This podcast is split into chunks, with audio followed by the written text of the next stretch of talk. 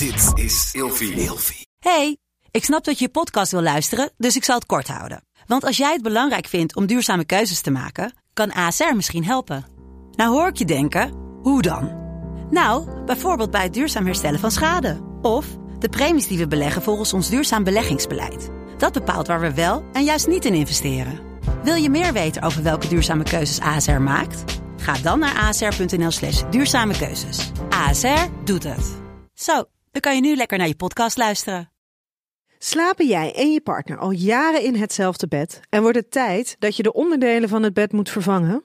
Dit is het perfecte moment om je gehele bed te vernieuwen. Je krijgt namelijk extra korting bovenop de lopende kortingen bij Emma Sleep met de code RELATIEVRAGEN in hoofdletters. Dus ga snel naar emmasleep.nl en bestel jouw bed. Hi, welkom bij deze podcast. Leuk dat je luistert. Mijn naam is Kokkie Drost en ik ben relatie-expert. Vandaag beantwoord ik de volgende vraag. Waarom denken zoveel christenen bij seks aan zonde? Ja, dat vraag ik me ook wel eens af, maar ehm, ik heb het zelf ook heel lang gehad. Ik ben streng christelijk opgevoed. En als er over seks werd gepraat, dan was het vaak op een waarschuwende manier. Uh, wees voorzichtig, uh, zondig niet. En vooral ook het woordje reinheid werd aangekoppeld. Alsof je jezelf bezondigde als je seks had. En er staat ook ergens in het doopformulier voor de diehard christenen onder ons, die kennen dit vast wel.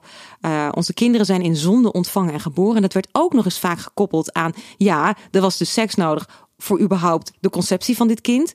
Dus dat is de zonde geweest. Nou, en dat is echt, dat begint eigenlijk al bij Augustinus. Augustinus was een kerkvader die ergens in uh, 400 na Christus leefde.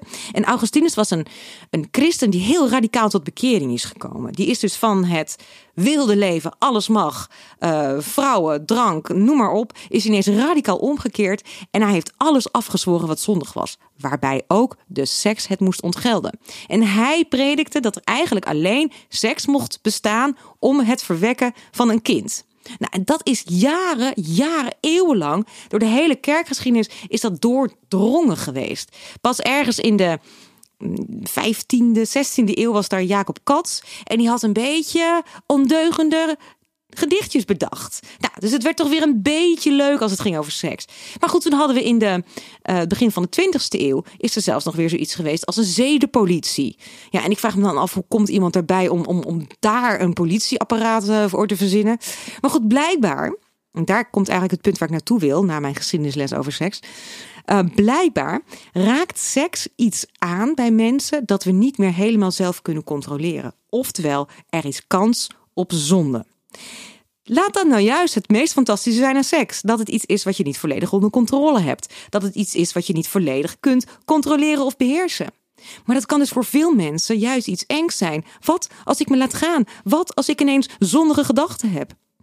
Ik denk dat daaruit voort is gekomen dat seks vaak, te vaak wat mij betreft, wordt geassocieerd met zonde.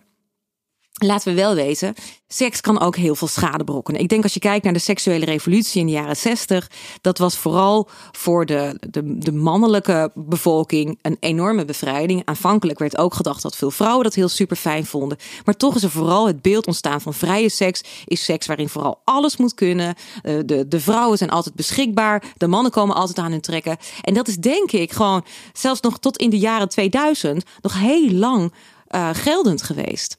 Terwijl ik denk, weet je, goede seks gaat over gelijkwaardigheid, over elkaar echt kennen, over je veilig voelen, maar ook over het mogen hebben van je eigen grenzen. Maar goed, als het over seks gaat en zonde, denk ik dat dat twee dingen zijn die op de een of andere bizarre manier door de geschiedenis heen heel erg met elkaar verweven zijn. Dat het ook te maken heeft met een soort van angst van wat denk ik en mag ik dat wel denken?